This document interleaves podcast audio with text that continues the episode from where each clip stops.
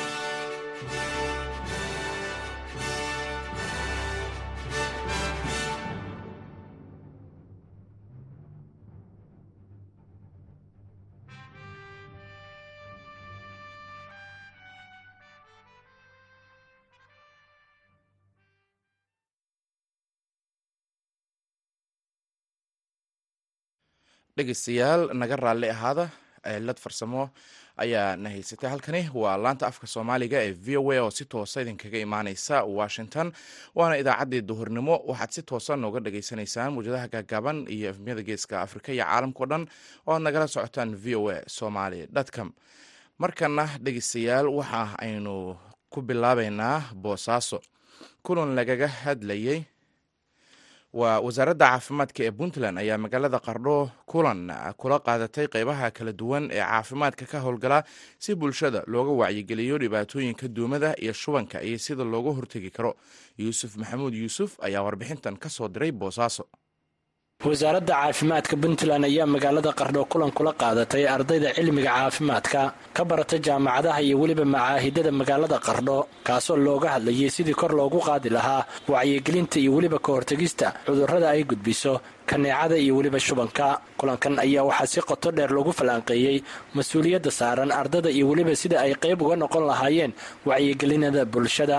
Si loo dhowro caafimaadka guud ee bulshada loona xakameeyo cudurrada ka dhasha biyaha daadadka ah ee inta badan ku soo rogmada magaalada qardho ugu horeyn agaasimaha waaxda xakamaynta cudurka duumada wasaaradda caafimaadka puntland dor cabdikariin xuseen xasan ayaa dhallinyarada caafimaadka baratay uga warbixiyey sida looga hortegi karo xanuunada duumada. Dadka laga wacyigelinaya waxaa ka mid a sideeda kaneeca horta biyola-aan ma noolaato. Kaneeca meeshaa mutuleelka qallalan iyo miiskaas qallalan iyo bannaankaas qallalan midna kama dhalato saas maigu raacsantihiin kaneeca waxay ka dhalataa? Waa inay heshaa biyo waa inay heshaa qoyaan. Sidaa daraaddeed bii'ada bulshada hadda qardho oo daadadku saameeyeen haddii la wacyigeliyo in biyaha la furo aysan magaalada ku qolaysmin muxuu ahaaye biyaha roobabka kuwa guryaha laga soo daynayo barkadaha biyaha lagu shubto weelasha biyaha lagu shubto in la daboolo bii'adana la qallajiyo oo communitigu si wada jir ay uga shaqeeyaan iyo dowladda hoose dhinaca kale madax ka socotay wasaaradda caafimaadka ee heer gobol ayaa dhallinyarada u soo bandhigay xeerarka ay ku timaado xanuunka duumada iyo weliba sida looga hortegi karo. Inta badan waqti huuriskiisa ama incubation periodkiisa waxaa la sheegaa inay tahay labo ilaa toddoba maalmood.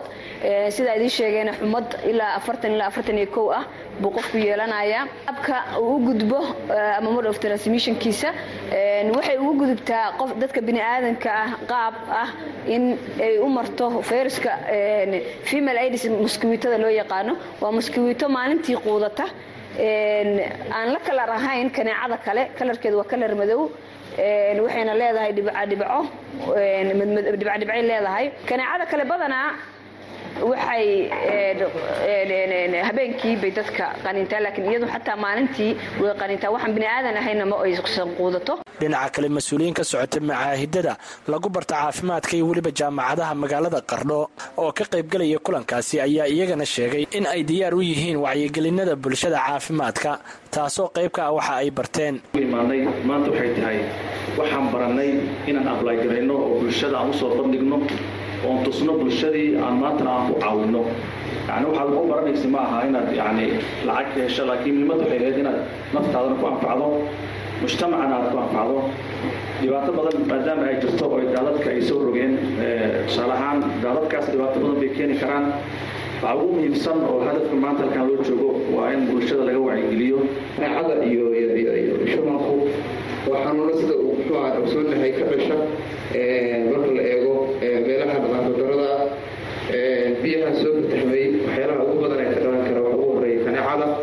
Sidoo kale muxuu aha shubanbiyoodku isaguna kama marno mar haddii meeshii nadaafaddarra timaado dadku waxa laga yaabaa inay iska quutaan waxyaalahaas dalaga muxuu ahaaye ma ku xiran muxuu ahaaye biyahaasoo kale meelaha fadhiista ama soo galaan muxuu aha si looga soo dhaamayo meelo ka fogfog magaalada kuwaasoo sababi kara dadkii xanuuno ay ku dhacaan kulankan wacyigelinta caafimaadka ee loo qabtay dhallinyarada caafimaadka ka barata jaamacadaha iyo macaahidada ayaa ku soo aadaya xilli magaalada qardho bilo ka hor ay ku soo rogmadeen daadad biyo wata taasoo dadku ay sheegeen inay ka dhasheen xanuunada kaneecada iyo weliba shubanka. Dhallinyaradana loogu baaqay inay doorkooda wacyigelinta qaataan islamarkaana daaweyn bilaashay u sameeyaan bulshada. Si looga hortago yuusuf maxamuud v o e bosaaso mahadsaned yuusuf markana dhinacaas iyo dhadhaab qaar ka mid ah safiirada midooda yurub ayaa kulan looga hadlayay horumarinta dhallinyarada qaxootiga ah la qaatay midooda dhallinyarada ka dhisan xeryaha dhadhaab dhowaantan iyadoo kulankaasi safiirada dalalka faransiiska iyo jarmalka ay ballan qaadeen inay taageero horumarineed loo samayn doono dhallinyarada qaxootiga ah. Abshir aadan qorane oo ah hogaamiyaha dhallinyarada dhagaxley ayaa barnaamijka dhallinyarada v o a uga waramay kulankaasi waxaana waraysigan la yeeshay cabdisalaam salas waa tahay abshir kulan ayaa la qaadateen safiir ka socday beesha caalamka. Idinkoo matalayo dhalinyarada qaxootiga ah. Kulankaas wuxuu ahaa waxyaaba looga hadlay. Kulanka waxaana soo booqday donas waxyaala ay u aqaanaan dadka maalgeliyo hay'adaha qaxootiyada inta badan taageeraya maanta safiiro dalal fara badan ka socda european unionka ay u badan yihiin. Safiirka jaban safiirka jermaniga safiirka faransa iyo safiiro kaleeto iyo dad kale oo deeqbixiyaala fara badan. Cabashadii dhallinyarada ay lahaayeen oo baaxaddeeda aan la soo koobi karinna waan u sheegnay oo ay waxa ugu fara badan ee tahay in dhallinyarada halkan joogto ay shaqala-aan yihiin aysan haysanin fursad halkan ay uga shaqaystaan isku socodka uu dhib ku yahay aan ku jirno xaro maxaa la dhahay albaabadeeda ay u xiran yihiin oo meel dheeraada aanan la aadi karin. Waxa lagu shaqeeyo hay'adaha looga shaqeeyo uu iska yaryahay. Ganacsigadii ay dhallinyarada qabsan lahaayeen dhibaatooyin iyo caqabo badan ay iska jiraan oo ku saabsan in alaabahii ay dalka gudihiisa ay ka helaan. Marka waxyaalo fara badan u sheegnay balse waxa ugu muhiimsanaa oo aan kala hadalna wuxuu ahaa waxbarashada. Waxbarashada waxa ugu muhiimsan oo qofka bini aadanka uu oga bixi karo baahi walbo markaas jirto haddii uu dulqaato. Sanad walbo ilaa iyo afar kun iyo shan kun iyo ka badan baa dhallinyarada soo baxayso iskuullada bogeyso. Haddana inta fursadda jaamacadda hesho iska yar tahay oo boqolkiiba waxaa saddex boqolkiiba saddexna aad buu u yaryahay safiirka jermaniga baa arrinkaas nooga jawaabay wuxuuna nagu yiri maadaama hay'adda hadda jermaniga davi scholarshipska hadda ayaga ay bixiyaan oo ayaga qeyb ay ka yihiin fursadaha in sanadaha soo socda uu kala hadli doono si fursada aada u fara badan dhallinyarada la siiyo maadaama hadda dhalinyaro fara badan oo graedkii loogu talagalay oo jaamacadda u qalmay hadda ay jiraan. Abshir sidaan la soconno sanadihii tegey fursadaha waxbarashada bilaashka ama scholarshipka xeryaha aad bay u yareed. Caqabado badanna way jireen oo dabcan ku aadan tayaxumada waxbarashada. Arrintaas wax ka weydiiyeen? Arrinkaas waxba nagama weydiinin laakiin annaga tayaxumada aad baan u aragnaa.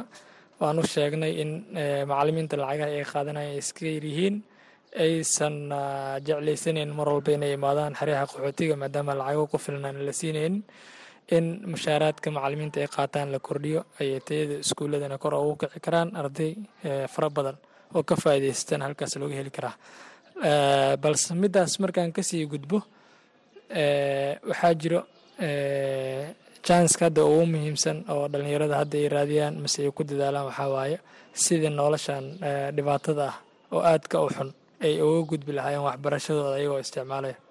Gudoomiye sanadihii tegey ilaa dhowr kiis oo isdil ah ayaa xerada ka dhacay oo dhalinyarada qaarkood ay ku dhaqaaqeen iyadoo inta badan lagu sheego shaqa la'aanta nolosha adag xeryaa ka jirto dhinaca shaqa abuurka. Ma kala hadasheen wallaahi dhinaca shaqa abuurka waan kala hadalnay.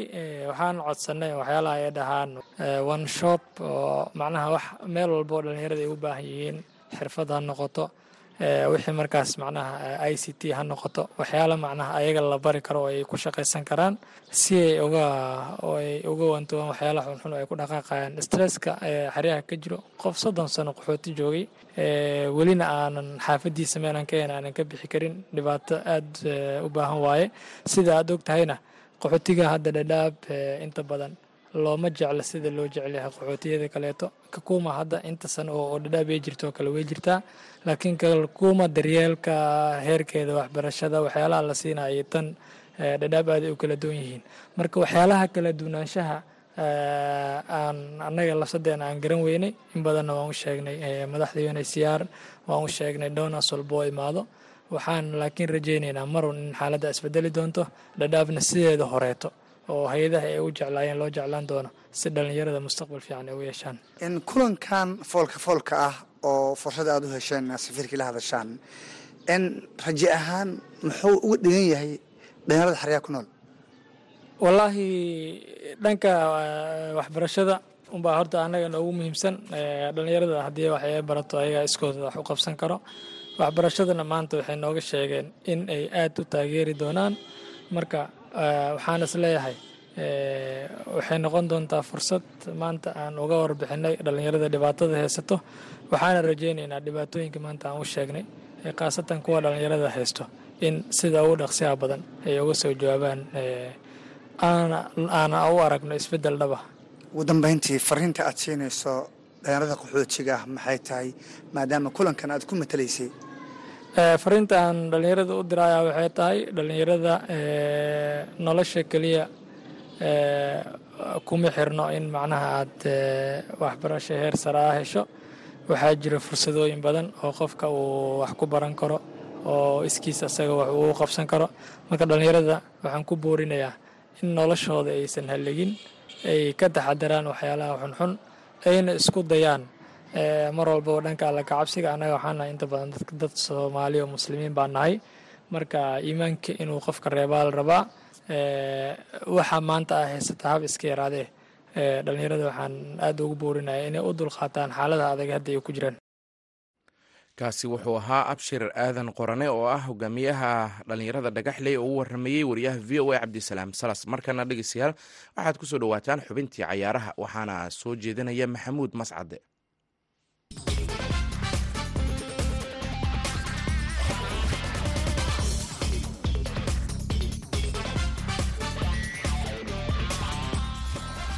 kulan wanaagsan dhegeystayaal dhammaantiinba kuna soo dhowaada xubinta ciyaaraha. Aan ku bilaabay ee ciyaaryahan christiano ronaldo oo u ciyaara kooxda kubadda cagta ee manchester united iyo xulka qaranka ee bortuqiiska ayaa waraysi dheer uu dhowaantan siiyey wariyaha caanka ee bilis morgan waxa uu si aada ugu weeraray kooxda kubadda cagta ee manchester united maamulka macalinka danhaag ee haatan kooxda leyli iyo weliba. Qaar ka mida ciyaartooydii hore oo dhowaantan dhaliilo u soo jeediyey xidigan cristiano ronaldo. Haddaba maxaa ku kalifay ciyaaryahan cristiano ronaldo isagoo weli kooxdiisa la joogo inuu weerar intaa la eg ku qaado? Mase laga yaabaa xidigu mar haddii uu sidaan u hadlay kooxda inuu la sii joogo. Arrimahaasi waxaa ila falanqeynaya jamaal cusmaan oo ka mid a wariyaasha v o eda khaasatan bahda sportska. Jamaal sodhow ciyaaryahan cristiano ronaldo laacibkii weynaa oo malaha la tilmaamay inuu ka mid yahaba kuwii ugu wanaagsanaa ee dunida soo maray kooxdiisii kubadda cagta ee manchester united weerar aan loo meeldayn ayuu ku qaaday.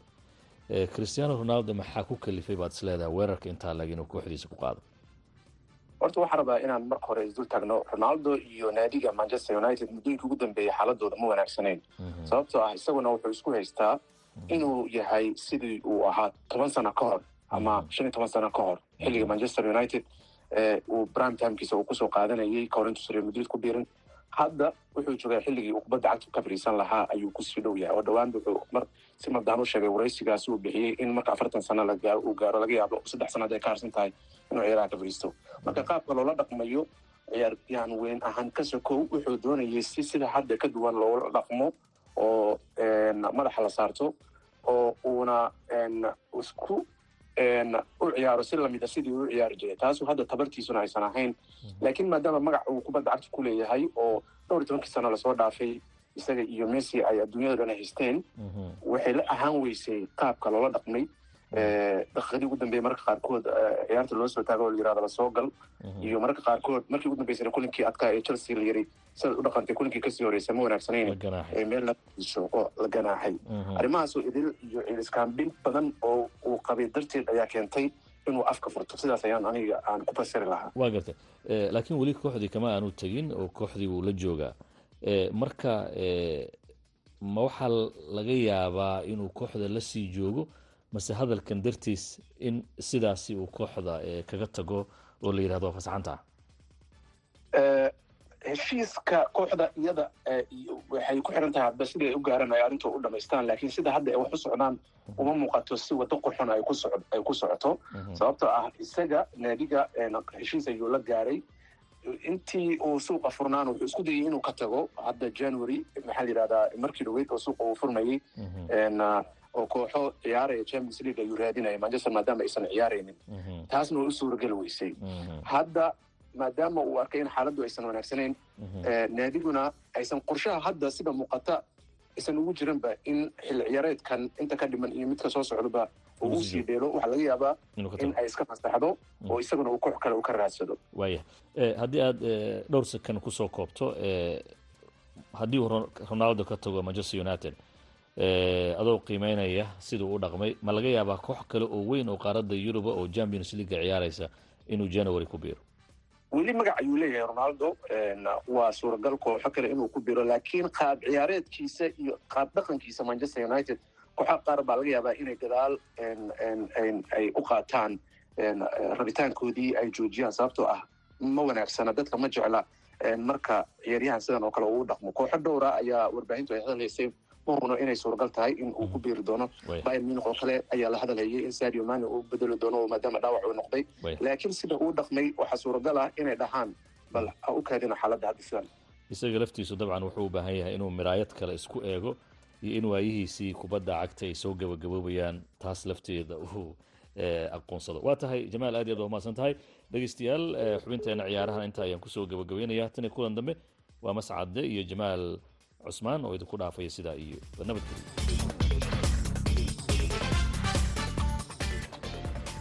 mahadsanid maxamuud mascade oo xubintaasi cayaaraha nala socodsiinaya markana dhinaca heesaha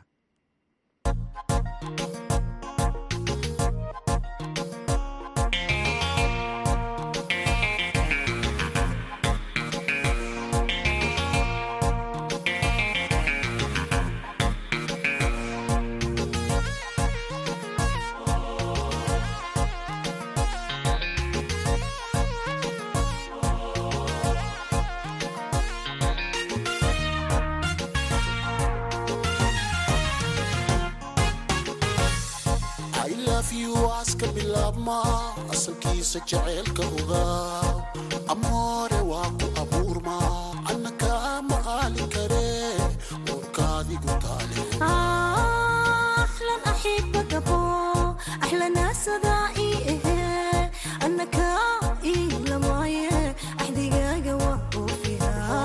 taaleaska bilaabma asalkiisa jaceylka ogaa